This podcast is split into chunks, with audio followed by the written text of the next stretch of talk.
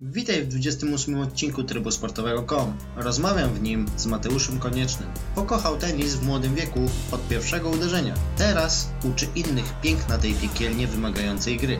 Widać, że lubi swoją pracę i sam sport, jednak podchodzi do tego bardzo metodycznie i profesjonalnie, nie odpuszczając na żadnym treningu. Pewnie dlatego wraz ze swoimi zawodnikami zdobywał złote medale Mistrzostw Polski i odnosił sukcesy na arenie międzynarodowej.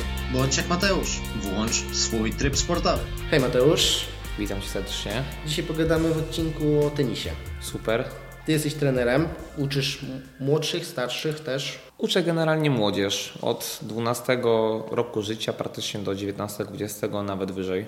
Okej, no to właśnie może zaczniemy od przedstawienia Ciebie i startu Twojej przygody ze sportem. Jak się to zaczęło?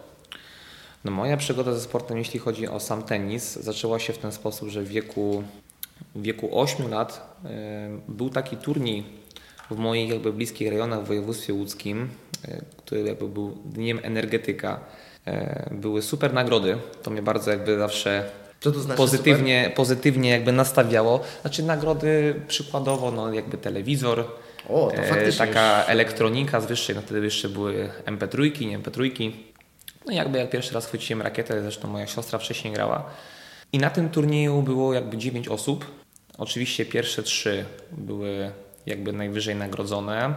Ja jakby takim największym skrzatem, że rakietka była tak naprawdę większa ode mnie, zająłem czwarte miejsce. Ile Ty miałeś wtedy lat? 8, 8 lat i powiedziałem sobie, że no wrócę za, wrócę za rok na ten turniej. A to był pierwszy Twój kontakt w ogóle ze Pierwszy sportem? mój kontakt. Pierwszy raz złapałeś jeśli, rakietę? jeżeli chodzi o sport, to nie, no wiadomo, że tam jakoś... Nie no, oczywiście, ale chodzi mi, że tenis, pierwszy raz złapałeś rakietę i... To był pierwszy raz. To był pierwszy Byłeś raz, tak. czwarty. To byłem czwarty, tak. To byłem czwarty. No generalnie dużo jakby z takiej samej obserwacji. Moja siostra grała, tam czasem jakby zerkałem, jak z rodzicami podjeżdżałem na zajęcia, zerkałem, patrzyłem. I zająłem w tym turnieju czwarte miejsce i powiedziałem sobie, że chciałbym, żeby rodzice mnie zapisali chociaż dwa razy w tygodniu. Łączyłem to jakoś jeszcze, bo miałem też inne tam zajęcia poza jakby lekcyjne, żeby to wypełniać. Powiedziałem po prostu, że za rok wrócę i ten rok poświęcę na to, żeby no, jakoś tak dla siebie nawet wynagrodzić tą nagrodę zdobyć. Jak się okazało, za rok już tego turnieju nie było i się nigdy nie pokazał. E, I tak się zaczęła moja przygoda. Po roku czasu udało się jakby zdobyć jakiś tam nie wiem, turniej wojewódzki. No i ta droga tak można powiedzieć sobie trwała i trwała. Oczywiście tych treningów się nawarstwiało więcej, same jednostki treningowe. Także tak ta przygoda się zaczęła. Za co jestem oczywiście rodzicom swoim wdzięczny. Ale właśnie, czy treningi młodziaków, tak ich nazwijmy, różnią się mocno od treningów dorosłych? To znaczy, to zależy do czego dążymy, bo jeżeli dążymy do tego, żeby być jakby zawodnikiem i na to sobie stawiamy, czyli zawodnikiem czytaj jeżdżenie po turniejach, mamy jakąś tak zwaną periodyzację, plan, który ma nam jakby wypalić, żeby ta osoba była na tyle rozwojowa, by mogła zaistnieć w, w tenisie przede wszystkim seniorskim, to tak, no jest duża różnica pod kątem trenowania oczywiście zawodnika, jak i samego amatora, tak, zupełnie też jest inne podejście, same inne ćwiczenia, inny jakby rozkład tego treningu i inna sama tematyka. Okej, e, pytam, bo tak jak przed rozmową rozmawialiśmy, mm, będę na pewno dużo nawiązywał do squasha i w squashu jest o tyle, nie wiem czy fajnie, czy nie fajnie, nie wiem jak to określić akurat w tym przypadku, mm, że dzieciak, który ma no powiedzmy 10-12 lat, może ograć dorosłego gościa i to z kretesem i może ćwiczyć identycznie jak on. Myślę, że to w tenisie jest też możliwe, jak najbardziej, bo no oczywiście jest inna siła mięśniowa, zupełnie inna koordynacja, zwinność, z tym, że no w tenisie wydaje mi się, że jest troszeczkę więcej tych czynników, więcej tego tak zwanego łańcucha kinematycznego, który odpowiada za to, jak generalnie tą piłeczkę odbijemy. E, oczywiście ja jestem bardzo zwolennikiem samego squasha, bo uważam, że sam squash rozwija niesamowicie koordynację, zwinność, pierwsze dwa, trzy kroki, gdzie w tenisie to jest bardzo ważne. Natomiast specyfika uderzeń, ułożenie rakiety, e, sam jakby można powiedzieć porównując squash a tenis jest zupełnie inne. No tam gramy na jednej połówce, a tutaj masz jedną połówkę sam dla siebie. Dokładnie, no i jest zupełnie inny obszar. Ta piłeczka też się również jakby wyżej, niżej wybija w zależności z jaką rotacją odbijemy. Natomiast no, jest też, nie, jakby w squash się nigdy nie, jakby nie wgłębiałem, natomiast tu też ma dużą rolę sfera mentalna, jak ten mecz rozgrywamy, jeśli chodzi nawet o starszą, młodszą osobę, bo różnie to się akurat w tej kategorii odbywa. Fajny wątek, rozszerz go. Jeśli mówimy o sferze, o sferę mentalną, Tak, tak. Jak ona wpływa na mecz? no to zależy. To zależy, tak powiem ogólnikowo na początek, bo no są. Ja akurat prowadzę różne osobowości, prowadzę też jak i płeć żeńską, płeć męską. Chłopaki są akurat, yy, można powiedzieć, że specyficzni, bo każdy jest jakby inny pod kategorii tego, jak na ciebie działa stres, jak na ciebie działa dana sytuacja meczowa. Dziewczyny zachowują się bardzo porównywalnie i też trzeba się e, do pewnych rzeczy dostosować, zrozumieć, wysłuchać i dopiero zacząć działać. I też trzeba być w tych tak, takich tematach nie lada ostrożny. Z chłopakiem y, są różne kategorie. No, tutaj akurat nie będę jakby podawać samych przykładów, natomiast ten sport y, przede wszystkim niesamowicie ćwiczy charakter. Przygotowuje, uważam, że do życia codziennego mm, ma dużo takich jakby zjawisk, które się objawiają y, pod kątem stresu i czasami zamykają, a czasami otwierają człowieka. Zresztą y, na własnym przykładzie mogę to powiedzieć, że tak to niestety wpływa. Y, Niestety. Jak to się mówi, sport to zdrowie, ale sport to zdrowie nie mówimy tylko w kategorii fizycznej, tylko też w kategorii mentalnej. Trzeba mieć bardzo dobrą odporność mm, na różne sytuacje, na różne czynniki, nie tylko wewnętrzne, jak i zewnętrzne na meczu, które się będą oczywiście pojawiać. Więc tak reasumując, jeśli chodzi o tą sferę mentalną, no, trzeba mieć bardzo twardy charakter, yy, tak krótko żołniersko mówiąc, i trzymać się swoich zasad i przede wszystkim wierzyć w nie. Czyli, że jeśli, dobrze rozumiem, czyli jeśli nawet jeśli przegrywamy na meczu, to trzymamy się swoich założeń gry, czy... Oczywiście są no, zależności jakie są założenia na mecz. No, są różne założenia, jeśli jest na przykład tener obecny lub nieobecny i zawodnik na przykład zakładajmy przegrywa pierwszego seta lub na przykład jest coś nie po jego myśli, wyjmuje plan B, a jeśli jest możliwy plan C do zrealizowania i mądry zawodnik zawsze wyciągnie wnioski. E, Zawsze wyważy jakby podejmowanie dobrych decyzji. Nie złych wyborów, tylko dobrych decyzji. Jest w stanie jakby wyjść z tego obronną ręką.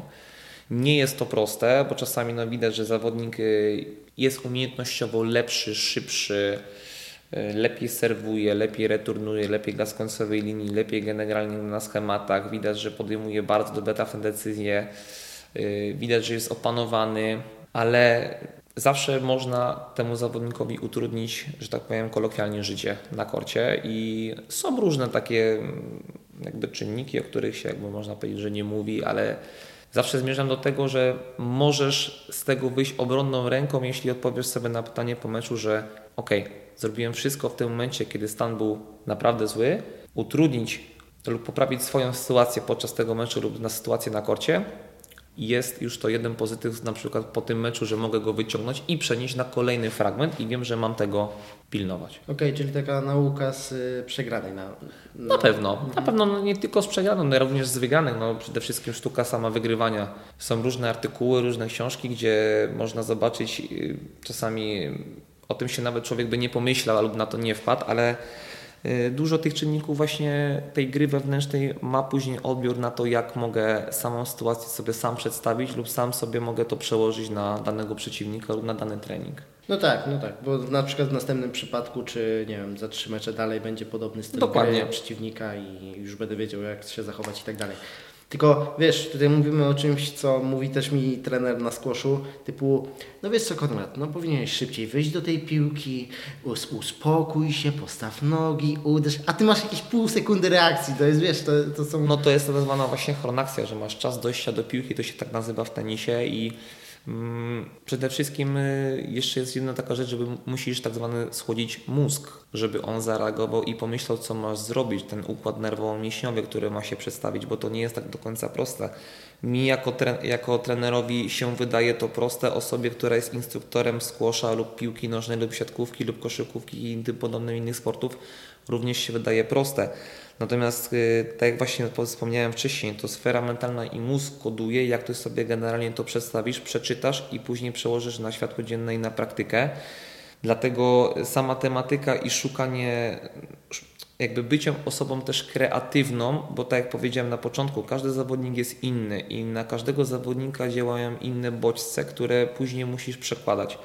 Tak samo jest tutaj w tenisie, że tłumaczysz na ilekroć sposobów, a generalnie tematyka i jakby wniosek końcowy jest taki sam. Więc musisz tego zawodnika lub zawodniczkę poznać, można powiedzieć jak własną kieszeń i dopiero zacząć działać i starać się stymulować w tym jakby pozytywnym słowa znaczeniu.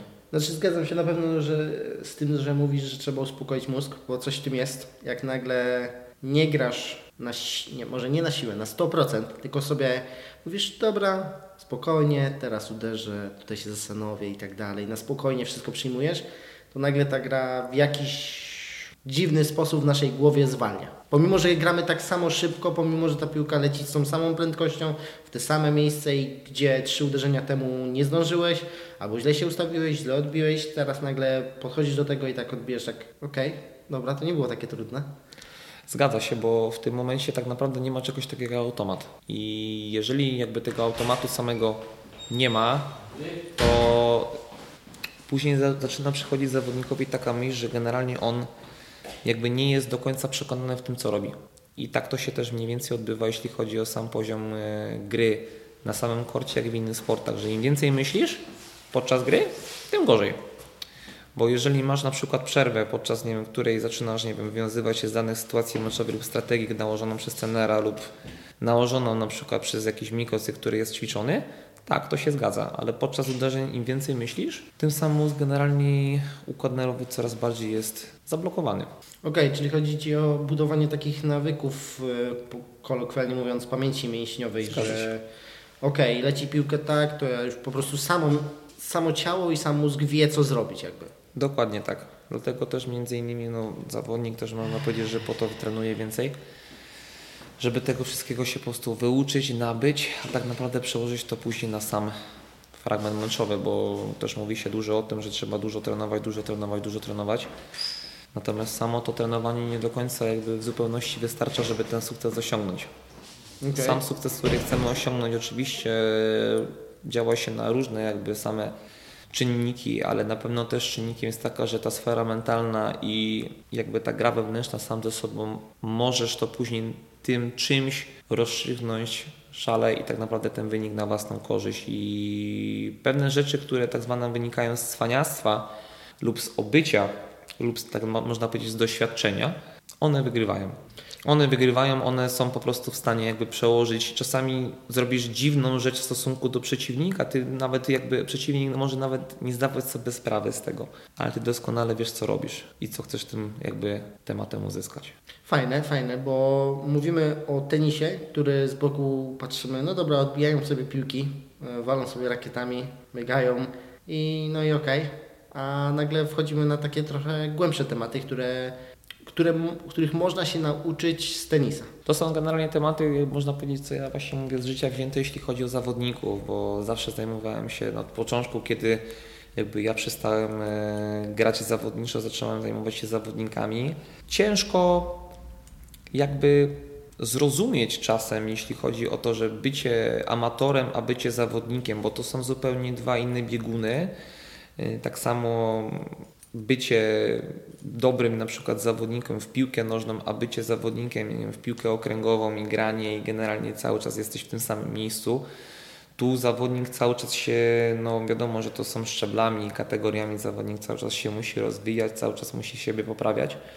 O wiele w ogóle większy rygor jest przy... Zupełnie, zupełnie inaczej musi się trzymać. No generalnie jeśli jakby nie jesteś zaprogramowanym, zaprogramowanym zawodnikiem i nie wykonujesz danych czynności, no to nie mówmy, że jesteś zawodnikiem, bo to jakby pewnych sytuacji po prostu człowiek nie, nie oszuka. No bycie turystą, a bycie, bycie alpinistą, no to też są zupełnie dwa inne w tak, ogóle źródełka, więc to to się później no, naprawdę rzutuje na, na jakby wynik końcowy i w tym momencie gdzie jesteś. I przekładając to na tenis, ile procent, może tak powiedzmy, albo czy większa, mniejsza część trenuje tenis faktycznie w ten sposób, taki zawodniczy, czy raczej większość jest osób, które podchodzą, a dobra, zrobię trening dwa i okej. Okay. No to jest, bo... to jest ciekawe pytanie, bo bardzo często zastanawiam się jadąc właśnie do domu po treningu, po dniu pracy i zastanawiam się, Czy ten zawodnik zrozumiał, co do niego powiedziałem? Albo czy do niego dotarła ta myśl, o którą e, jakby dążyłem, żeby ją poruszyć? Myślę, że wynika to dużo jakby y, takich cech charakterologicznych, które się nabyło z samej kuchni, z samego domu. Czy ten zawodnik jakby ma świadomość tego, nigdy jakby nie spotkasz osoby, która ma 13-14 lat i powiesz, ja chcę być tenisistką i ja będę. Nigdy nie wiesz, jak to się potoczy. Możesz mieć marzenia, możesz do nich dążyć, natomiast tu się musi tyle czynników złożyć, żeby to miało rację bytu i żeby był ten sukces końcowy, y, że człowiek może tego nie przewidzieć. Natomiast y, czy ja widzę sytuację taką, że zawodnik mój każdy wie, co robi lub jest w pełni tego przekonany? Odpowiedź brzmi nie. Okay. Odpowiedź brzmi nie. Uważam, że nie do końca, nie, nie każda osoba ma świadomość tego, co robimy. Nie każda osoba ma świadomość i ma taki sam cel jak trener, jak to działa w drugą stronę, bo mm, no, czasami jest powiedziane na przykład przykładowo, no, chcę być jako 18-latek w pierwszej 15, 20 w naszym kraju i wyjechać na studia do Stanów. Okej, okay. my robimy wszystko pod tym kątem, żeby tak się stało, tak? I oczywiście no, wiele czynników musi się zgrać. Mhm. Wiele sytuacji, wiele procesów musi jakby no nie wszystko tak jest przysłowiowo odpalić. Od, od treningu, no to jest normalne. Dokładnie. I też, tak jak na początku powiedziałem, każda jednostka jest inna, każdy charakter jest inny, każde jakby bycie najlepszym też jest przedstawiane przez każdą osobę inaczej, bo jedno, dla jednej osoby bycie najlepszym to jest, tak powiedziałem, bycie w 50 w kraju, a drugim bycie pierwszym w Europie lub pierwszym na świecie. Więc to są różne, różne sytuacje. Też y, trzeba też odpowiedzieć sobie na pytanie, y, czy to nie jest jakby powiedziane na wyrost, bo mówienie na przykład, że ja chcę być w tym miejscu, ale są, no jest tyle rzeczy, które no trzeba jakby ku podstaw poukładać. Czyli realne patrzenie. Realne patrzenie i rzeczywiste na sam świat. I no, trzeba generalnie tak to te puzzle układać, żeby one mogły być zbudowane, żeby to wszystko mogło odpalić. No, Mówię, to generalnie tych procesów i czynników jest y, mnóstwo, bo to zawsze, co każdy tydzień dowiaduje się, można powiedzieć, czegoś innego, co innego jakby jest przedstawiane na treningu, co innego później świadczy w głowie, jak i u zawodnika, a później u trenera, żeby on to wszystko, mówię, poukładał w całość, więc to tak wszystko z obrazka miło wygląda, ale to, no to też wymaga wielu wyrzeczeń, jak i ze strony zawodnika, i też nie zapomnijmy o strony rodziców, bo to też rodzic jest w pełni do tego zaangażowany, żeby to się wszystko zgrało, żeby tą osobę, mówię, tego nastolatka czy nastolatka dopilnować. No właśnie ostatnie, no nie wiem, 10-15 lat ogólnie w sporcie yy, można zauważyć taką tendencję, że już nie ma, nie ma mistrzów w żadnej dyscyplinie, którzy nie trenowali jednej dyscypliny od początku niemal swojego życia. Czyli przykłady, no nie wiem, z motocykli. E, Valentino Rossi zaczął w wieku 3 lat. E, nie wiem, przykład Svena Hanna w skokach. E, chodził do podstawówki o, o profilu skoków narciarskich lub e, jakoś podobnie. Więc jakby już nie ma takich e, talentów, nie ma już takich e, indywidualności, które w wieku 20 lat nagle twierdzą, a ja chcę być najlepszy w tej dyscyplinie i nagle są. Jakby już teraz chyba wszystko dąży do tego, że rodzice definiują, czy ktoś zostanie mistrzem, przynajmniej jako pierwszy etap e, zostania mistrzem, czy zostaniesz tym mistrzem, czy nie. Czyli czy twój rodzic był na tyle ambitny, nakierowany na cel, z tobą jako synem, córką od twoich pierwszych lat życia. To znaczy to, co wspomniałeś na początku, że osoba, właśnie tak jak wspomniałeś, Valentino Rossi, jak się nazywa Mister Doktor, czy Sven Havanal, który no, generalnie był osobą y, tytanem pracy, bo też akurat czytałem pewien artykuł o tej osobowości. To są osoby, które zaczęły też bardzo wcześnie. Sam, sama koordynacja ruchowa kształtuje się do 12 roku życia. Nie da się być osobą, że tak powiem, drewnianą, jeśli chodzi o samą etykę poruszania, jak i chodu, i stać się osobą najlepszą, jeśli na przykład przykładowo przyjmijmy, będziesz sprinterem, będziesz piłkarzem. Oczywiście możesz pewne rzeczy wyuczyć, jak najbardziej, to się w zupełności zgadzam. Natomiast pewnych rzeczy po prostu zabraknie. A osoba, mówi się, że im wcześniej zaczniesz, tym będziesz lepszy. No, Agnieszka Radwańska z tego, co ja kojarzę, zaczęła w wieku 5 lat. Jerzy Janowicz w porównywalnym wieku. I też były nauki gry, zabawy, gdzie generalnie uczono od początku. Sam mózg pracował, jak i z nogami, wyłączenie najpierw jakby organizmu, w sensie same górne przyrządy, czyli rączki, barki, korpus, dopiero później włączałeś nogi. I to później ma takie oddziaływanie, jakie ma, że po prostu się ten zawodnik rozwija lepiej w danym charakterystyce wiekowej, Bo się adaptuje do tego. bo się adaptuje do tego dokładnie i ma później rzeczywiście łatwiejszą drogę. To się zgadza. Mózg jakby też przyswaja więcej informacji, bo jest mu to łatwiej jakby wykonać i panuje nad swoim ciałem. A tenis polega też również na tym, że to czucie mięśniowe, które jest niezmiernie ważne, jak i ciało, wykonują te ruchy coraz bardziej poprawne i egzekwują je z większą częstotliwością. Czyli możemy wykonywać spokojnie na piłce gąbkowej ruch, który jest adekwatny i poprawny i przenosimy je na coraz twardszą, coraz twardszą i jak i później możemy, wiemy, że mamy pewne zagranie opanowane bądź pewien ruch opanowany, więc możemy tą prędkość zwiększyć, tak? Po, Okej. poprzez, poprzez różne działania ze strony tenera czy taktykę na korcie. Jasne, okej. E, To tutaj jeszcze słuchaczy zachęcam do odcinka poprzedniego z Sokatocem, gdzie mówiliśmy właśnie o aktywności okołosportowej, fizycznej dzieci od około pół roku życia już. Więc e, tak, można, mm, warto przesłuchać. Mm, A tutaj wracając do wywiadu, jakby też mówisz, mówiłeś e, wcześniej o tych różnicach pomiędzy chłopcami a dziewczynkami. Damy radę jakoś to zgeneralizować? Czy, czyli, że nie wiem, Mhm. jeden typ jest bardziej, nie wiem, agresywny może na korcie? Nie wiem, jak, jak, jak na to powiedzieć. Czy można powiedzieć, że ktoś jest agresywny na korcie? To znaczy, Albo ma agresywną grę? Yy, No spotykam takich zawodników, prowadzę takich zawodników, jeśli chodzi o właśnie, że są w formie bardzo impulsywni, impulsywne. U dziewczyn, u dziewczyn jest tak, tak generalnie wszystko bardzo gorące, czyli jeżeli mamy sytuację kryty- krytyczną, dwie, trzy piłki jakby nie pójdą mi po myśli, no to generalnie wychodzi takie założenie, że nie umiem grać w tenisa. Nie umiem grać w tenisa, nie potrafię, jest źle, jest fatalnie, wszystko generalnie jest czarne. Pomimo tego, Uf. że 10 pijek wcześniej Pomimo, było okej. tego, pomimo tego, że jest wynik 6-1 i na przykład w drugim secie jest 0-1, no to ja już generalnie, no ja nie mówię, że to jest przykład jakby nadgminny, bo tak, bo tak nie jest, ale no, generalnie w życiu tenisisty często spotykane. U faceta jest inaczej. Na pewno u faceta zupełnie jakby te też no, mózg troszeczkę i same, same takie oddziaływania na świat y, zupełnie inaczej patrzymy na te, na, te, na te specyfiki, tak? I też hormony inaczej pracują nasze w wieku dorastania i później osoby jakby bycia, bycia już osobą dorosłą, czyli odpowiadają za własne, za własne życie. Facet też jakby patrzy czasami na to życie e, troszeczkę bardziej, może tak powiem, lojalnie, bardziej tak zdystansowanie na pewne, na pewne okoliczności.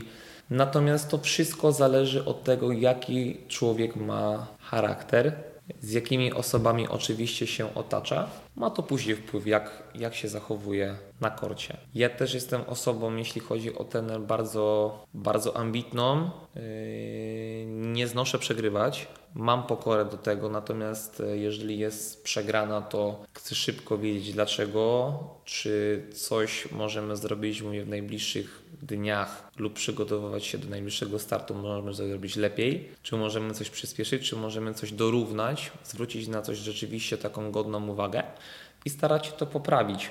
W zależności, czy to jest sfera mentalna, czy sfera, czy to jest aspekt przygotowania fizycznego, motorycznego, jak i przygotowania tenisowego.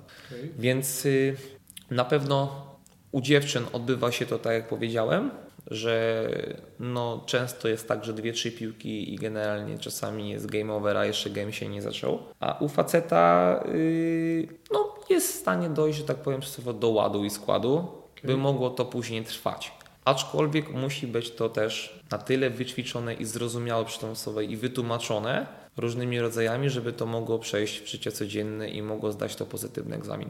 Jeszcze wrócę, jeszcze, jeszcze wcześniej do, do, do początku samego wywiadu, bo powiedziałeś, że zajarał Cię ten e, pierwszy konkurs tenisa. I to było to, tak? To, to było ten, ten cały clue, takie całe meritum. Nie, myślę że, myślę, że to nie było meritum. Generalnie mm, ja bardzo lubię też rywalizację, czyli lubię rywalizować. To nie, to nie jest tak, że tylko akurat tenis, Znaczy, bo Wiesz, pytam o tenis, bo rywalizację można mieć w piłce nożnej, można mieć w każdym Dokładnie. innym sporcie. I, Dokładnie. I coś było takiego, co cię nagle przyciągnęło mówisz, dobra, jednak tenis. To znaczy ja generalnie lubię, y, lubię coś takiego, że lubię decydować y, pod kątem sportu, lubię decydować o własnym losie. Czyli nie lubię czegoś takiego, że jest sport drużynowy, jest siatkówka i mam pięciu innych y, zawodników i oni się patrzą na siebie, czy ty rozegrasz dobrze, czy ty generalnie strzelisz tego gola, czy rzucisz za trzy w ostatniej sekundzie, czy Że nie bierzesz że rzucisz tą piłką. Tak, lubię mieć odpowiedzialność za samego siebie.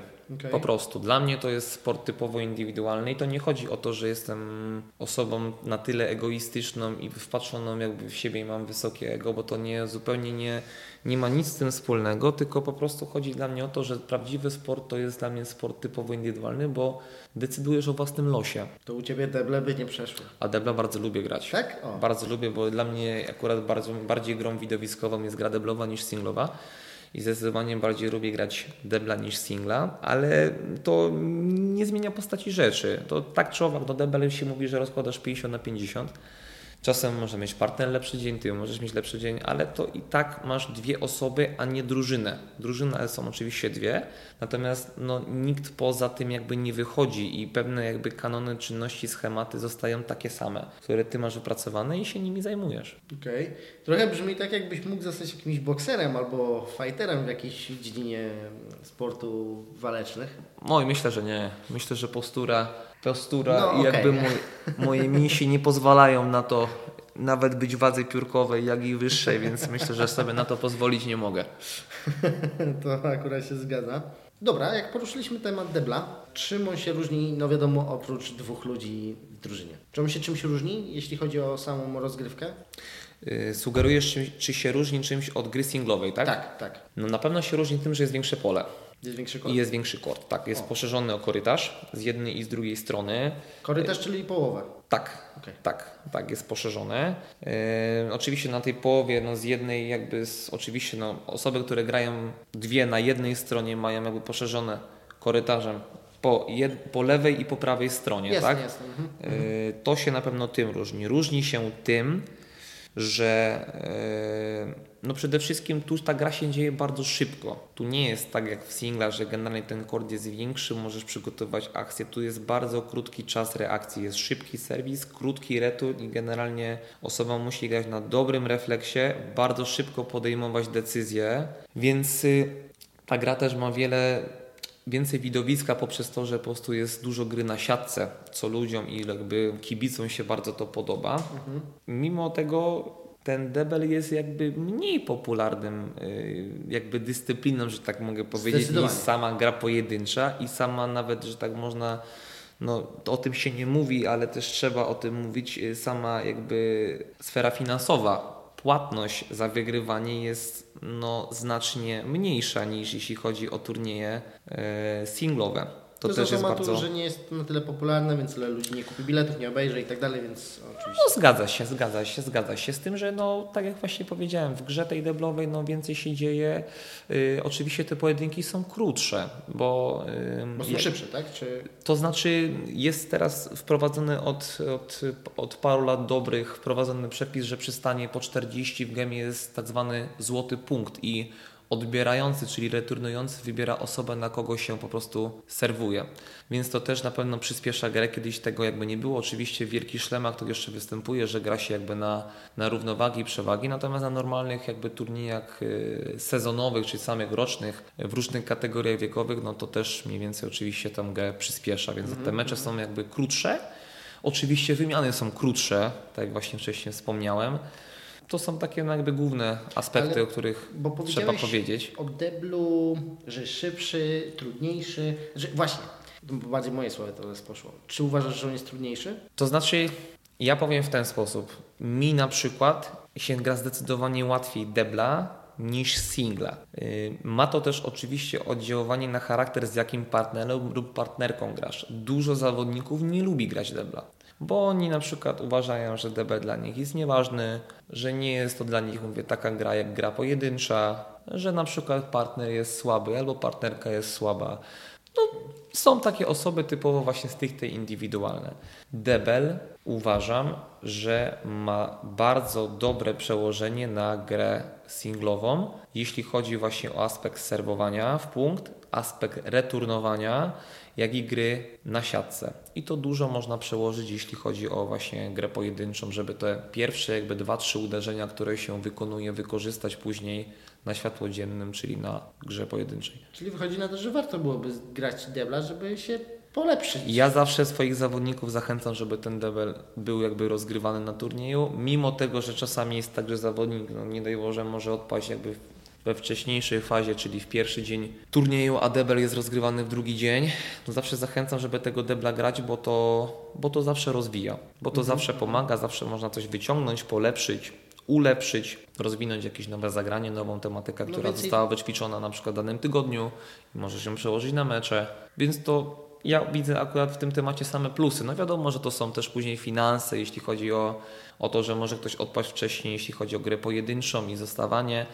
Natomiast no, y, uważam, że gra podwójna to też, zajęcie wysoki cloud to też jest duży sukces i zawsze będę powtarzał, że trzeba na to zwracać uwagę i też doceniać. Z mojego punktu widzenia to jest też dodatkowy czas kortu. No na pewno tak, na pewno tak. No, Im więcej można powiedzieć, że jeżeli masz no, grę I większe roz- doświadczenie, bo masz innych przeciwników. To znaczy, no przeciwników generalnie, jeśli chodzi o te kategorie młodsze, od 12 do 18 roku życia na tym samym turnieju masz tych samych. Jeśli chodzi o grę senior, seniorów, czy tam WTA, czy ATP, no to oczywiście jakby specjalistów do debla czy singla masz jakby innych, osoby inne są jakby specjalizują się w grze podwójnej, a inne w pojedynczej. I oczywiście tych, tych rywali masz też innych. No tutaj w kategoriach też masz innych, natomiast no jedni i drudzy grają zazwyczaj w singla i w debla, więc to na pewno ma bardzo podobne położenie. Co innego mówiąc, jeśli chodzi o granie na przykład w Europie lub na świecie, że ci zawodnicy po prostu się mieszają.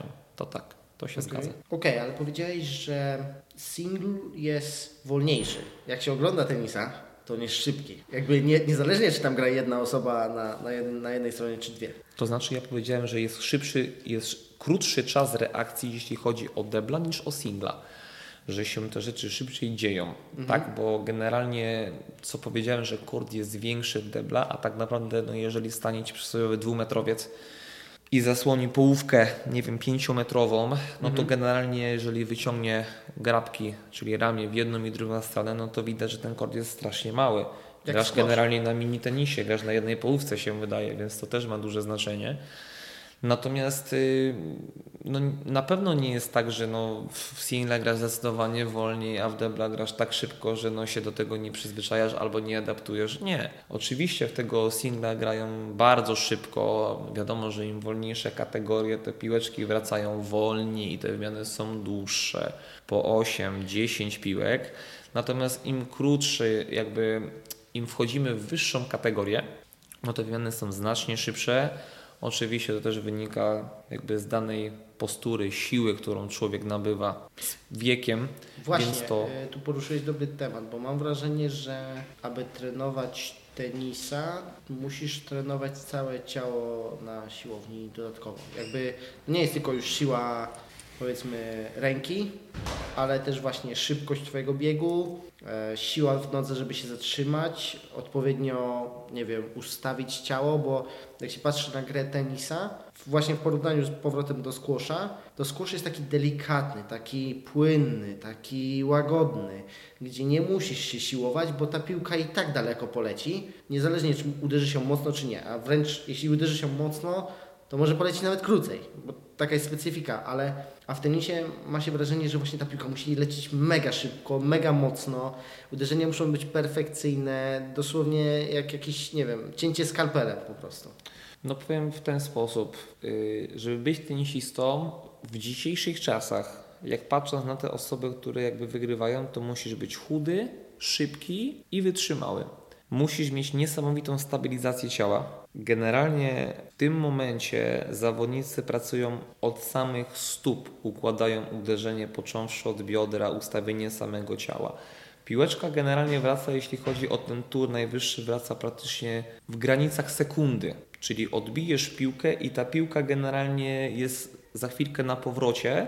I mało tego, że ty musisz grać automatycznie, to ty jeszcze musisz grać do celu, co nie jest do końca takie wszystko proste, żeby ta ręka była stabilna, żeby to się wszystko na tyle układało, żebyś ty miał nad tym jeszcze kontrolę. Jeszcze przewidzieć, gdzie uderzy twój przeciwnik. Czyli tak zwana antycypacja. Co musisz generalnie zrobić? No mniej więcej w tą sekundę musisz się to tak wszystko zorganizować. Więc to już są tak zwane szachy.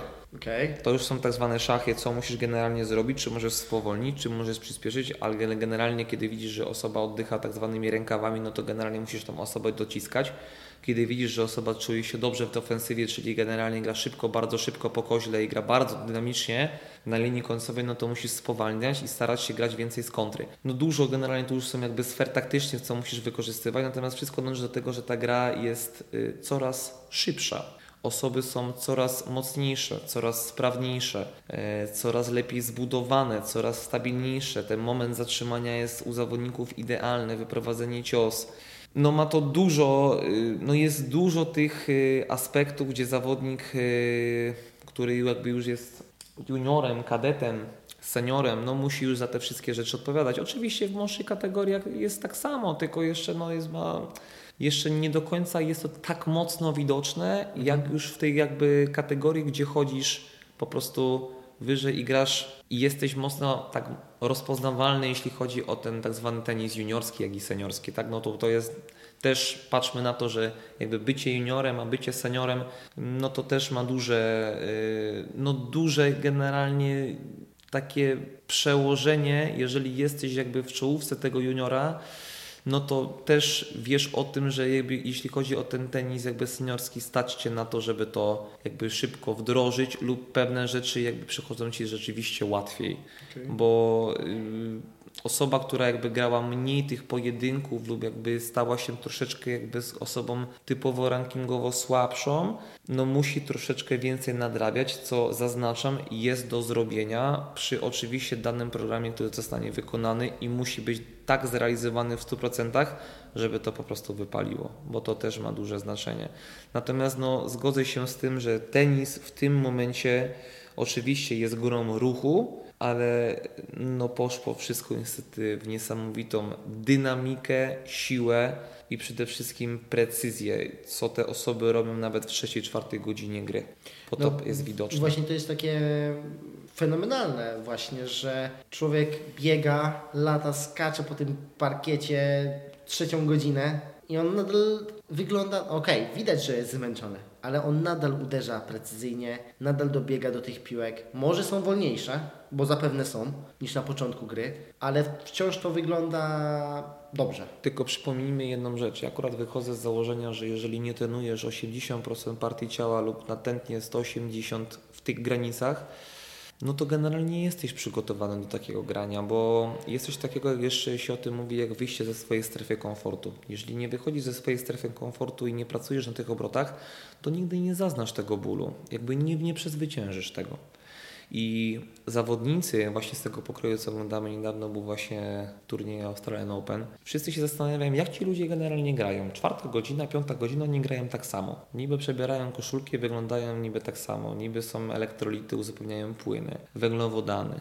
Wszystko się zgadza. Natomiast, żeby generalnie grać na takim poziomie, to akurat tutaj potrzebujesz bardzo dobrego przygotowania motorycznego, tenisowego, ale ci zawo- zawodnicy trenują dwa razy więcej dziennie niż grają taki mecz. I oni są przygotowani. Tam jest tytaniczna praca. I człowiek pracy zawsze albo zawsze będzie blisko tego sukcesu niż osoba trenująca po prostu przychodzę na ten trening, odbywam go w takiej jednostce, natomiast we wnętrzu wiem, że nie zrobiłem na 100% wszystkiego, co mogłem zrobić. Nadal przykładowy, taki, taka krótka anegdotka, jak się ostatnio nawet dowiedziałem, zresztą też miałem przyjemność widzieć. Osoba trenuje 4 godziny pod rząd, pierwszą jednostkę i tylko jest zamiana sparring partnerów. Osoby są po prostu, wyglądają mocno źle po pół godzinie, a on po prostu zaprasza następnego, łyczek wody na stojąco i gramy. Czasami to nie jest tak, żeby osobę zajechać, bo musisz mieć do tego zawodnika oczywiście przygotowanego. To nie jest tak, że po prostu mu powiesz mu, że masz grać za karę i koniec. I on generalnie już jest po prostu na tyle zajechany, że ledwo co stoi i ty powiesz mu jeszcze raz, jeszcze raz, jeszcze na powtórzenie.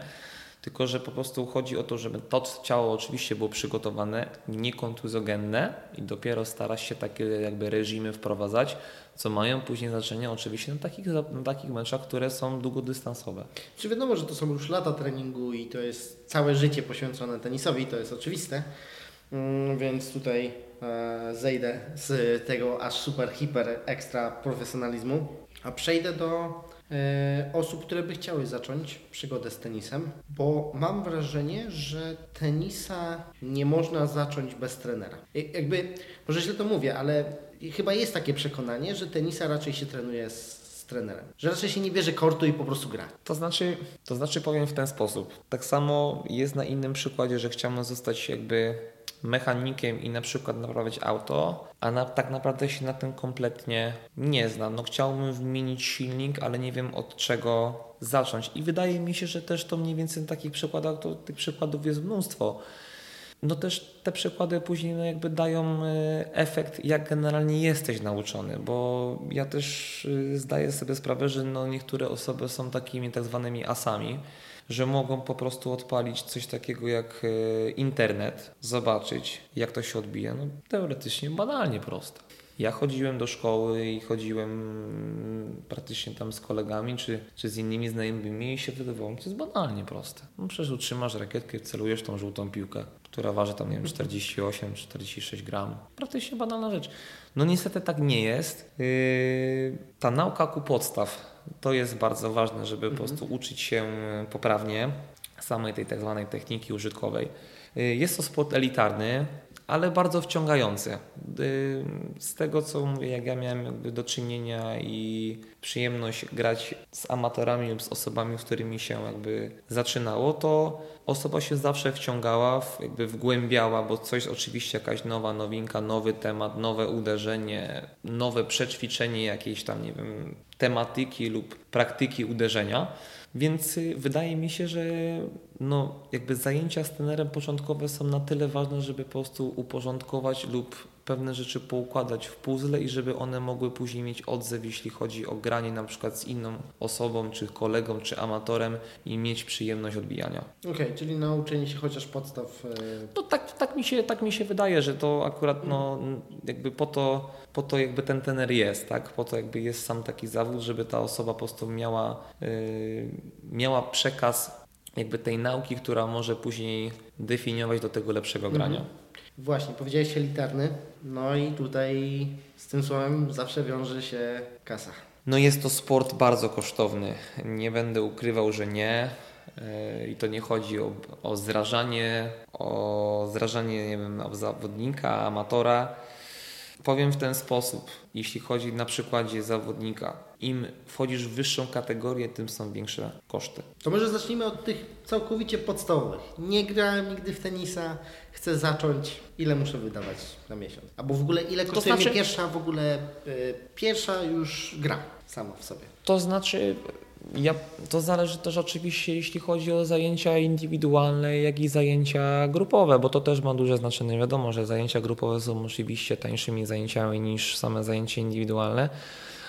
Natomiast no, no myślę, że jeśli chodzi o takie zawo- bycie zawodnikiem i trenowanie, jeśli chodzi o same treningi i załóżmy, że takie no, uczęszczanie na 3-4 razy w tygodniu, no to jest tak na pewno wydatek w okolicy 1,5 tysiąca złotych, 2 tysięcy złotych. Mi się wydaje, że to są miesięcznie to są takie kwoty. No bycie generalnie zawodnikiem i trenowaniem z kortem i zajęcia same indywidualne, no to koszty oczywiście się mnożą. Więc tutaj ciężko generalnie jakby zdefiniować, jakie to są jakby koszty sztywne, tak? To nie są... e, No one nie są sztywne, tak? Że one, wyżej, czy inaczej, są sztywne pod kątem zajęć indywidualnych i grupowych, natomiast kwestia jest tego oczywiście, ile ta osoba, ile razy uczęszcza jakby w miesiącu czy w tygodniu. Natomiast no, jakby to jest jasną rzeczą, że no, jak i kort sam kosztuje, jak i same zajęcia z trenerem kosztują. Mhm. I... A czysta amatorka, powiedzmy, no nie wiem, teraz często się trenuje tak amatorsko bardzo, rekreacyjnie, na przykład, nie wiem, chodzi się trzy razy na siłownię, trzy razy na jakieś treningi grupowe, czy tam trzy razy, nie wiem, na piłkę, na siatkę, na, na cokolwiek. I przykładowo ktoś nie chce być zawodnikiem, ktoś chce po prostu amatorsko trenować tenisa, bo po prostu podoba mu się ta dyscyplina sportu. I nie wiem, zakładamy dwa, trzy razy w tygodniu. Mhm. To, to jaki to jest też, to jest też ten koszt 1000-1500? Myślę, że w okolice też 1000 zł, tak 1000 na 1500. No Okej. mówię, to ciężko też, mówię, bo to też różne są sytuacje, jak to, czy to święto wypada, czy nie wypada, czy te zajęcia na przykład, nie wiem, osoba jest uczęszczana na te trzy razy w tygodniu, czy na przykład jakieś zajęcia wypadają. No mniej więcej tak wszystko oscyluje, tak? Jeśli chodzi o takie koszty. Mm, I tak jak powiedziałem, no wiadomą jest rzeczą, że jeśli chodzi o formę właśnie amatora, no to te dwa, trzy razy mi się wydaje, no są osoby, które na przykład są na tyle, mają taki zapał, że grają na przykład codziennie, bo czują, że się mogą na tym wyładować, że te endorfiny pracują, że się w tym spełniają, że mają aktywność ruchową, gdzie naprawdę no ta aktywność ruchowa wydaje mi się, jeśli chodzi o tenis, na pewno ty wspomniałeś o squashu, jest spora. Tak, tak, tak, tak. Eee, I no też osoba, do... amator, jeśli chodzi o formę amatora, ma się nauczyć grać, ale ma być zadowolony z tego, co robi. Tak, bo to też jest bardzo istotne, że te endorfiny pracują, że on generalnie jakby wie, że na tym treningu jest, a nie, że przesiedzi. Więc yy, to też te treningi, tak jak właśnie na samym początku wspomniałem, są różne, natomiast no, trzeba po prostu uczyć tak, żeby nauczyć. To naszła mnie taka myśl. Nie wiem, czy ona jest poprawna, ale mam wrażenie, że te koszty stosunkowo wysokie do innych dyscyplin sportu, można to szczerze powiedzieć. Nie mówimy o motorsporcie, bo nie są o wiele droższe, więc są i droższe, ale jeśli chodzi o takie, gdzie musisz mieć tak naprawdę buty, koszulkę, spodenki i rakietę, to wydaje się, że to drogo. I być może te koszty właśnie definiują to, że ludzie chcą to trenować bardziej zawodowo, że chcą bardziej w to iść. Że jakby No, nie mają tego myślenia, co na przykład, nie wiem, karnet na siłownię za 100 zł i mówią, dobra, to tam 300 wydałem w te 3 miesiące, dobra, walić to. Ale to jest właśnie, mi się wydaje, ten temat. Znaczy, nigdy nie myślałem w takiej kategorii, jak wspomniałeś, Okej. powiem uczciwie. Natomiast y, zawsze to brałem pod uwagę, że osoba na przykład, nie wiem, y, moja na przykład żona y, jakby uczęszcza na siłownię, czy uczęszczała, czy nie wiem, czy chce iść na przykład na fitness i zawsze jest taka tematyka, że jakby no możesz mieć te zajęcia z trenerem personalnym. Dlaczego? No bo generalnie możesz mieć te na przykład zajęcia na tyle profesjonalnie lub na przykład pracujemy nad jakimś częścią ciała, że chcemy ją wyćwiczyć lub na przykład chcemy, nie wiem, się wyrzeźbić, czy chcemy schudnąć, czy chcemy przytyć Konkretny cel. konkretny cel. Nie wiem, czy to jest takiej kategorii jak rywalizacja, bo to, co właśnie wspomniałem, osoba musi mieć coś takiego jak adrenalina. Ja na przykład potrzebuję takiej adrenaliny. W sensie, jakby no, jest na przykład mecz i na przykład no, osoba czasami. Czasami po prostu musi z tym jakby żyć, albo po prostu tego brakuje. No, Są różne formy. No, niektóre osoby, no ja akurat na przykład Nie no, są różne osoby, na przykład y, nie wiem, hazardzisty i tak dalej, i na przykład osoba no, musi mieć coś takiego. Y, Ja na przykład uważam, że osoba, która przychodzi na przykład na ten kort, oczywiście chce się spełniać, chce się polepszać, ale czuje taką rywalizację. Ona chce na przykład, nie wiem, zagrać jakiś mecz, chce na przykład zagrać jakieś punkty, wygrać, przegrać, ale chce się zawsze oczywiście z dnia na dzień lub z treningu na trening polepszać. I to jest akurat taka forma rywalizacji. No oczywiście, tak wspomniałeś, że możesz kupić karnet na siłownię, ubrać sobie na przykład trampki, ubrać sobie strój, ubrać sobie yy, mówię, dresik, wychodzę, ćwiczę, też jestem spełniony, tak? To działa jakby oczywiście w- jakby w moim zawodzie inaczej, ja myślę o tym inaczej, ale na przykład osoba siłowni, która wie, że osiągnęła swój cel i traktuje to w takiej kategorii, może myśleć o naszym jakby sporcie inaczej i wydaje mi się, to jest generalnie jakby inne spojrzenie na świat. Każdy ma jakby inne swoje jakby poglądy widzenia i siedzenia. Okej, to żeby. To też takie pytanie dla osób, które by chciały zacząć. I wiele osób na przykład trenuje też właśnie, tak jak już wspomniałeś, grupowo, bo ich to motywuje, że inni przychodzą i oni też muszą przyjść na daną godzinę i tak dalej. Dokładnie. Dużo, dużo tych e, aspektów jest, ale z ilu osób się składa ta grupa? Może tak o. A to zależy, bo grupa generalnie może składać się trening łączony, może się składać z dwóch osób. Właśnie do tego dążyłem, bo chodziło o to, żeby zmniejszyć koszt całościowy dla jednej osoby. To znaczy na przykład tutaj u nas trenerzy, no zresztą no, jak trenerzy prowadzą właśnie grupy amatorskie, grupy szkółek, właśnie też mają pod kątem tego, że mają właśnie trzy, cztery osoby mm, w grupie, żeby te koszty po prostu były jakby zminimalizowane. A żeby też było. No też mniej więcej oczywiście, czy patrzą formą ryczartową, y, czy formą na przykład za sam trening. Mhm. Tak samo jakby się odbywa, jeśli chodzi o zawodnika, tak? Że na przykład no, osoba, która jest na przykład, no nie wiem, jest taki budżet taki, taki, no staramy się wykonać na przykład ten trening grupowy. Czasami osoba na przykład wypadnie lub ktoś się rozchoruje lub na przykład wyjedzie na ferie lub na wakacje, bo to też trzeba spojrzeć na, na, taką, na taką tematykę. I wtedy generalnie stara się to po prostu na tyle łączyć i składać składać w całość, żeby to po prostu miało rację bytu i mogło, i mogło uczestniczyć, nie? żeby te 3-4 osoby były zawarte na tym treningu. Fajne właśnie, mam takie wrażenie, że tenisa się trenuje raczej długodystansowo. Raczej Zdecydowanie tak, to nie jest wyścig na 100 metrów wyższych szczurów. Zdecydowanie nie. to nie jest właśnie przychodzenie na odwal się na siłownię, gdzie jest więcej ostatnio osób z sweetfociami i dyskusją niż trenowaniem, a tutaj po prostu wiesz, że przychodzisz na trzeci trening, jakby to jest trzeci ze stu albo z 300, jakby, że to nie jest na pewno, że nie skończysz trenować na piątym. To znaczy tutaj nie ma lansu. Yy, To co O, wspomniałeś, o. że nie ma czegoś takiego jak lans, nie ma pokazu.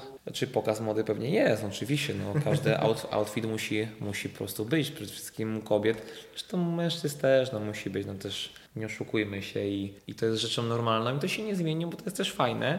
Yy, Natomiast no tutaj nie ma czegoś takiego, że przyjdziesz dwa, trzy razy i się wyuczysz, bo tak jak wspomniałem, no tych rzeczy, Jest za dużo. uderzeń, czynników, wybicia piłek, miliardy, Tak, no jest dużo takich elementów, których się trzeba nauczyć i sam, sam wiem, jak y, mało wiem na razie o, o squashu, którego trenuję. Jak zobaczyłem, jak dzieciaki 12-letnie, co prawda na poziomie już tam mistrzostw Polski i tak dalej, gdzie, gdzie ja walczę z tym, żeby odbić dobrze piłkę i żeby ona poleciała w tą stronę, którą ja chcę, a dzieciaki 12-letnie do, dostają informację od trenera, że wiecie co, ale nie uderzajcie dolną częścią rakiety, tylko tą górną, bo wtedy będzie inna rotacja i tak dalej. W ogóle na moim poziomie to jest jakaś, nie wiem, abstrakcja niemożliwe do zrealizowania, a na, a na tym poziomie wysokim, gdzie już właśnie tak jak mówisz, po jakiejś tam iteracji tych treningów, jakiś dłużej set, nie wiem, treningach, dopiero dochodzisz do tego aspektu, gdzie dopiero wiesz tak naprawdę, jak zaawansowany jest ten sport przy, przy rakietowych sportach. To znaczy, to też zależy, jakie osoba ma oczywiście zdolności, jak łapie, jaki ma przede wszystkim ten układ nerwowo-mięśniowy. Czynniki, które później się składają i rzutują, oczywiście zaczynają się od samego początku, tak? Czyli jak generalnie te uderzenia zostały przez Ciebie wykonywane, od samej podszewki, tak? Sama geneza uderzenia. Tu się nie ma co generalnie rozgłębiać, bo pewne rzeczy, no oczywiście nie, nie- jakby nie skalkujesz osoby tak samo, żeby ona grała w ten sam sposób jak trener, bądź ten zawodnik, który jest dla Ciebie, mówię, przykładem. Są takie osoby i też w turze, mówię, Dimitrow wzorował się na Federerze. No jest takich generalnie dużo, w tenisie kobiecym jest też dużo takich przypadków. Natomiast zaczyna się wszystko generalnie od samego początku, jak te uderzenia są przedstawiane przez trenera, jak Ty jesteś w stanie je zrealizować, jak Ty je rozumujesz, edukujesz i przekładasz przede wszystkim na praktykę. Potem oczywiście, tak wspomniałeś, wybijasz miliardy tych piłek i serii powtórzeń. Oczywiście wszystko się ładnie gra, kiedy gra osoba z miejsca. Natomiast tak jak wspomniałem, tenis to jest gra ruchu i to się generalnie nie zmieni. Więc jeśli jesteś szybki, sprawny i zatrzymujesz się do zera, uderzasz piłkę, to jest wszystko w porządku. Natomiast kiedy nie masz tej stabilności i zaczyna Twoje ciało i koordynacja i mechanizm gubić, no to po prostu zaczynają być problemy. Starasz się wykonywać tak zwaną progresję, czyli po prostu uzupełniając to uderzenie, żeby ono było jak najlepiej wykonywane właśnie w ruchu i przede wszystkim automatycznie. Dobra. I idąc ku końcowi, zadam Ci pytania, które są związane oczywiście z tenisem, ale trochę od niego odbiegają, jeśli chodzi o samą płytką definicję samego sportu. O co chodzi z dyszeniem i sapaniem przy każdym Oj, to uderzeniu? często, często sobie zadają o to pytanie. To znaczy, ja powiem w ten sposób. Ja to akurat, yy, ja, to, ja to widzę w ten sposób, że osoba, która dyszy, oczywiście ta przepona oddycha też inaczej, lepiej, dodaje sobie otuchy. Natomiast samo to stękanie, jak ja sobie przypominam, zapoczątkowała taka osoba jak Monika Selesz. I to bardziej się jakby, jakby przedstawiało na początku w tenisie kobiecym niż męskim. Natomiast jest to coś takiego jak dawanie sobie timingu uderzenia.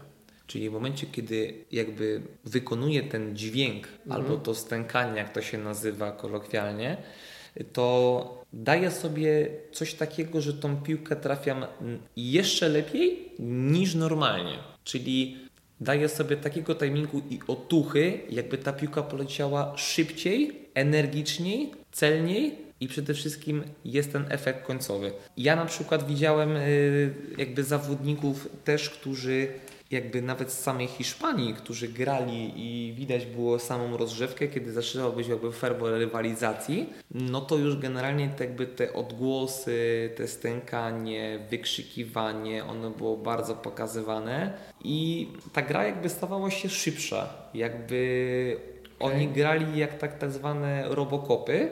Coś w tym jest. Ja akurat swoim zawodnikom też czasami zachęcam do tego, bo to się wydaje dziwne, ale rzeczywiście daje taką raz przy oddechu i wydechu, jak i uzupełnienie właśnie tego timingu uderzenia, czyli punktu trafienia i jakby rolę, że się po prostu nie gubię podczas tego, co wykonuję i trafiam celniej, szybciej. Mhm. Czy to ma takie, czy to ma generalnie takie przełożenie, jakby no niby udokumentowano jest tak, że, że ma. Natomiast wydaje mi się, że to też działa na własny umysł i głowę, że... Placebo. Dokładnie tak. Że mam to jakby za sobą i mogę to wykonywać jeszcze lepiej i to mi po prostu pomaga. Znaczy, no, po części to kupuję, ok, są badania, może faktycznie jest ten timing i tak dalej, tylko czy, czy trzeba to robić z braku innego słowa w taki orgazmowy sposób? To znaczy, to znaczy, no oczywiście, no później przeszły takie osoby jak Azarenka Szarapowa i tym podobnym i one po prostu no, wręcz przesadzały. Yy, tak, zgadza się. No, też jestem zdania tego, że są pewne limity, które, które jakby nie powinny zostać przekraczane, tak? Natomiast no, to tak samo można powiedzieć, jeśli chodzi o takie no właśnie limity. Yy, no, w, w sporcie, generalnie w tenisie jest coś takiego, że jest zagranie na przykład piłki w kategoriach od 12 roku życia do 18, że na przykład nie ma czegoś takiego, takiego w tenisie jak net. Okay. Czyli gramy bez netów, ale w tenisie seniorskim jest coś takiego jak granie z netem, czyli jest piłka o taśmę, ociera się, wpada na przykład w chaos serwisowy, jest net, pierwsze podanie. I to są generalnie takie rzeczy. Myślę, że za jakiś czas, yy, tak myślę, że za jakiś czas akurat będzie taka sytuacja, że akurat z tych netów po prostu zejdą, choć kiedyś to weszło, ale no bardzo krótko zostało utrzymane i szybciutko weszli do podstawowych zasad. I myślę, że tak samo z tymi okrzykami, y, wykrzykami, stękaniami, jak to też nazwałeś w swój sposób, myślę, że też na to będzie sposób i, i też będzie jakiś y, pomysł ze stron władz międzynarodowych i jakby będą pewne limity, które będą dostrzegane później na turniejach. Tak jak i mówię, czy skali ogólnopolskiej, jak u nas, czy międzynarodowych i światowych. Okej, okay, okej. Okay. Przekonamy się, chociaż powiem, że szczerze ciężko jest na, nałożyć limit na... To znaczy był, był, taki moment, był taki moment, że jakby federacja, jeśli chodzi o WTA, czyli WTA, jeśli chodzi o tenis kobiecy, miała się tym zająć. Zostały jakby kroki spełnione, natomiast no sprawa ucichła, więc to być może będzie tak jak mówisz. Natomiast myślę, że jeżeli będzie taki wypryk, nadal na przykład też bardzo głośno jakby stęka, wymachuje, krzyczy. Natomiast no mówię, przy jego grze, na przykład przy jego timingowi to bardzo pomaga i rzeczywiście tak jest. Jeśli chodzi o ten wydech, rzeczywiście tak to wygląda, że zdaje to egzamin i myślę, że w tenisie kobiecym również zdaje to egzamin, natomiast czy to jakby będzie miało na tyle, że tyle decybeli krzyczysz, a tyle decybeli i robimy konkurs? Nie wiem. Ciężko mi stwierdzić. Okej, okay, dobra, to to mamy. Musiałem to zadać, po prostu Pewnie. tak mnie to frapowało. No to, to wiele osób, wiele sympatyków nurtuje, więc... Okej, okay, okej. Okay. A jak jesteśmy dobrzy jako właśnie Polacy na arenie międzynarodowej? No bo zna, zna się konkretne powiedzmy dwa, trzy nazwiska, ale nie wiadomo, czy tylko to są. O, przykładowo w Formule 1.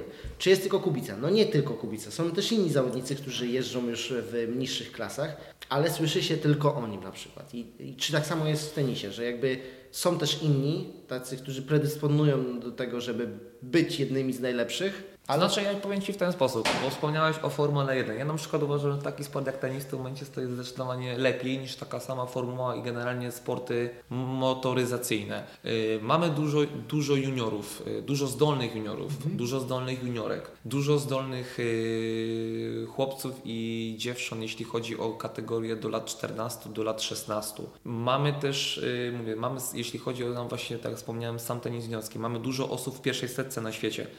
E, jeśli chodzi o juniorki, jeśli chodzi o juniorów. Zresztą e, niedawno juniorka jedna z e, Weronika Basza była w finale Wielkiego Szlema Juniorskiego w Australian Open. Do jakiego to jest wieku? Do, do lat 18, tak. Mm, Wiadomo, że no ma to później przełożenie, jak wchodzisz w tenis seniorski, ale powiem w ten sposób, że coś się dzieje i dzieje się coś dobrego. Coraz więcej tych, y, coraz więcej tych zawodników, zawodniczych się przebija. To y, bardzo oddziałuje później na te osoby, które grają jakby w naszych, w naszych turniejach, naszych polskich turniejach, w naszym tak zwanym ogródku, że grałem z tą osobą i jeżeli on może, to dlaczego ja nie mogę? I zaczynają być takie myśli. Działa to bardzo pozytywnie. Zresztą mój zawodnik też grał z taką osobą, która grała właśnie w takim y, ATP Cup i grał z taką osobą jak Marin Cilic i bardzo y, wyrównane spotkanie, bo przegrał na styku, później wygrał z osobą, która jest y, setną osobą, czy tam blisko osoby setki na świecie. Wygrał z tym zawodnikiem, w tym momencie jest w jakimś tam finałach, wygrywa turnieje. Więc to pokazuje, że można, pokazuje, że ta jakby nowa generacja zawodników, młodsza generacja jakby wchodzi na salony, a przede wszystkim wchodzi z naszego kraju. I to cieszy, bo jeszcze jakiś czas temu tego nie było. Tego nie było. Były niże demograficzne, było tych zawodników znacznie praktycznie jak na lekarstwo, więc kto wie, mam nadzieję, że tych zawodników będzie rosło i do tej tak zwanej pierwszej setki, jak i w tenisie kobiecym i męskim, y, będziemy dążyć i, i przede wszystkim będzie ich coraz więcej, a dla tych młodszych adeptów to będzie jeszcze większy bodziec do pracy. Fajnie to brzmi. Fajnie to brzmi, że tenis się mimo wszystko rozwija e, w Polsce. Uważam, że od naprawdę od paru lat poszło, jak i sam Polski Związek Tenisowy pozyskał sponsora i zostało otwarte dużo programów, dużo się dzieje i dużo ku dobremu. Zawodnicy też mają wsparcie, więc naprawdę idzie to w dobrym kierunku i jest to fajnie kierowane. Okej, a bo jeszcze chciałem nawiązać tym pytaniem do ekskluzywności tego sportu, bo u nas on nie jest ekskluzywny, okej. Ale czy na świecie ogólnie też jest tak brany pod uwagę? Bo na przykład golf jest na całym świecie moim zdaniem brany pod uwagę, że o, to jest dla takiej ala elity. To sport. znaczy, wiesz co, czy, czy, czy u nas nie jest sport jakby bardziej elitarny? Ja powiem Ci, widzę w ten sposób, że coraz więcej osób gra w tenisa niż grało. Ja na przykład, no jeśli może chodzi o samych adeptów, ale widzę, że coraz więcej amatorów się pojawia. Wiadomo, że jeśli chodzi o zawodników, no im wyżej, im wyżej w kategoriach, tym coraz mniej osób gra, bo zostają ci najwytrwalsi. Jak i począwszy o same, samą strefę zawodniczą, jak ty generalnie progresujesz, jak i oczywiście sferę finansową, o którą się e, rzadko mówi, ale ma to duże znaczenie, bo czasami po prostu człowiekowi brakuje i nie do końca to się wszystko dopina. E, Natomiast e, uważam, że coraz więcej osób, na pewno w tych większych miastach, pogrywa, nawet mówię, jeśli chodzi o wczesne godziny poranne, jak i jakby późne godziny wieczorne.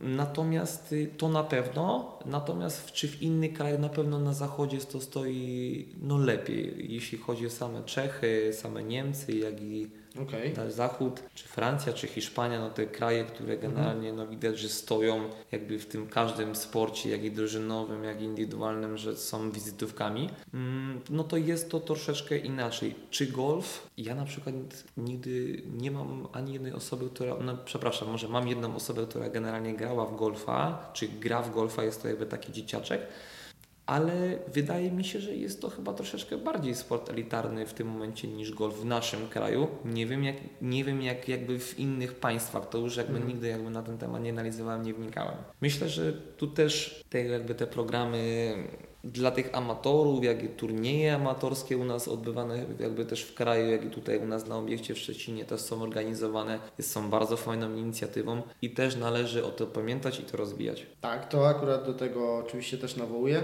żeby ogólnie wszelaki sport rozwijać e, zawsze. To jest zawsze dobre rozwiązanie i zawsze idzie ku zdrowiu niż e, pogorszeniu w jakikolwiek sposób. Trzy ostatnie pytania, które są mantrą tego programu.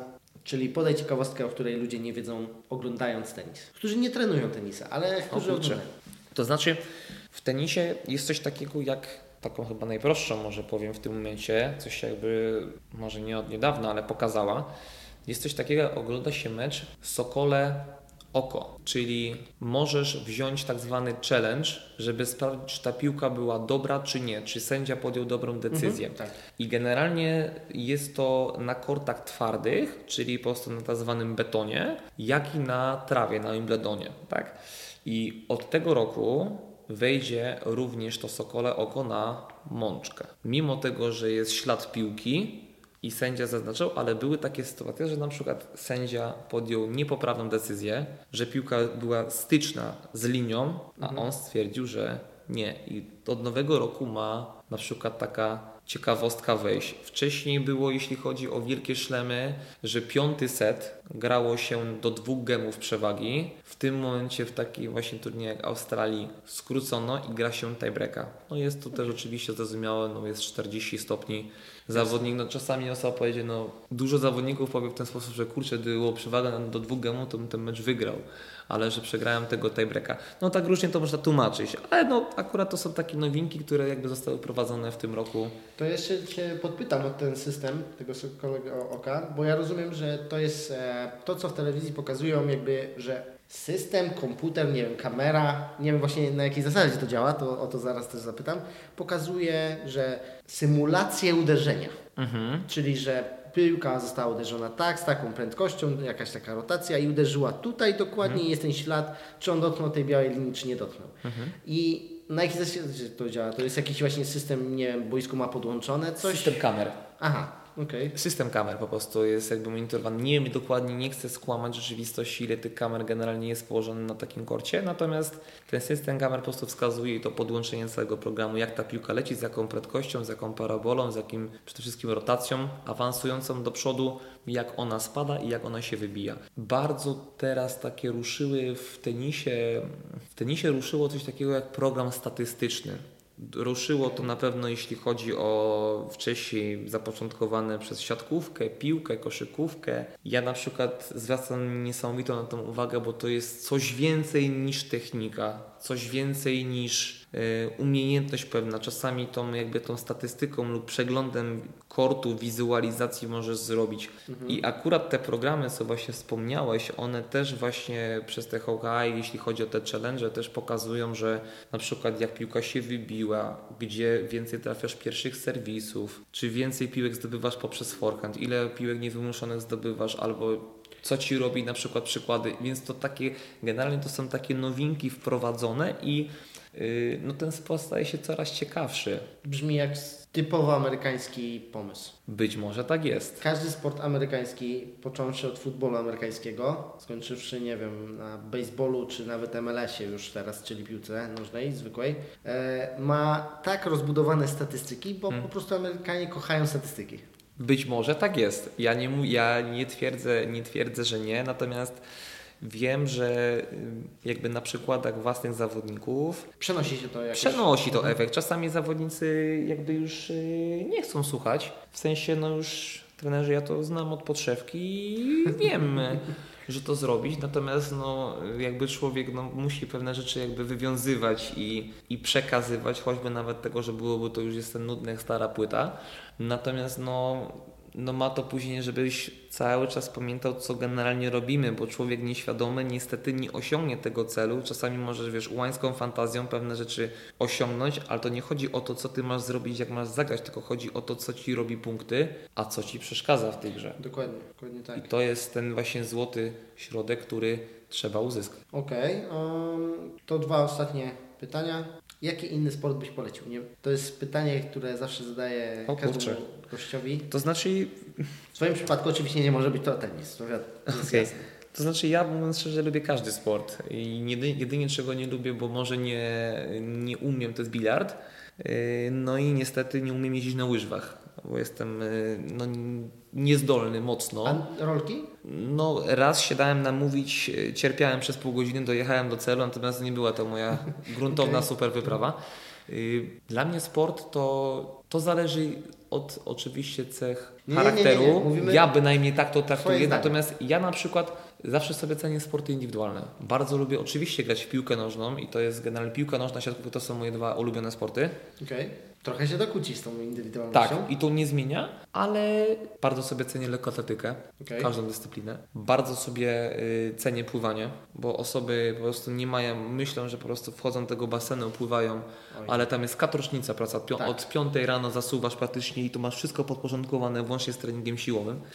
Więc takie sporty dla mnie, jak i również y, taki sport przede wszystkim jak y, narciarstwo. Biegi, narciarstwo alpejskie, skoki. To są też bardzo trudne, bo to też jest, mówię, też dużo pracuje sfery mentalnej, jak i osoba naprawdę jest sama i czasami jakby biegniesz na tych nartach 20 km, nikogo nie masz bratniej duszy, a ty biegniesz, biegniesz, biegniesz i czasami musisz widzieć ten cel, nie? musisz widzieć to światełko na końcu, że tak, wykonałem to, jestem siebie zadowolony, mimo tego, że nie osiągnąłem, mówię, jakiegoś wyniku rewelacyjnego, ale wiem, że jakby we własnej świadomości, we własnej skórze mój charakter super popracował. Wiem, że jestem jakby pod tym kątem spełniony i da mi to w życiu co innym lepszy efekt.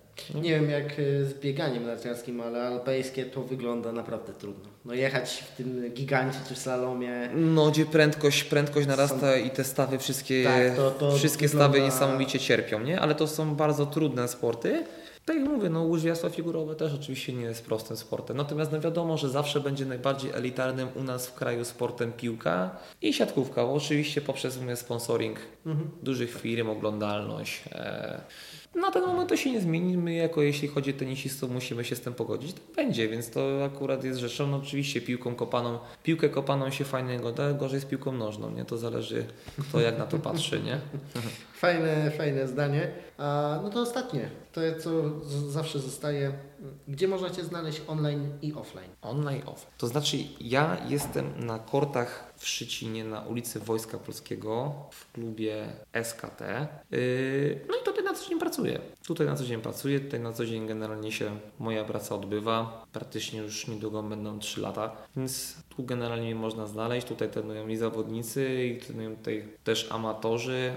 Są szkółki y, dla amatorów, dla młodych adeptów, także chętnie zapraszam. Y, warto spróbować na pewno i zachęcam do tego, więc uważam, że jest to fajną, fajną sprawą, mimo tego, że może lekko kosztowną, a może, może nawet dosyć mocno kosztowną, ale każdy powinien spróbować wybrać dla, tego, dla tej osoby, co dobre i co chce A robić. online gdzieś Cię można złapać, czy trudno raczej z tym? To znaczy, mówimy o Sieci ogólnie. o sieci. To znaczy ja nie prowadzę, mówiąc szczerze, żadnej, żadnej generalnie, żadnej jakby strony internetowej. Mam swojego fanpage'a na Facebooku.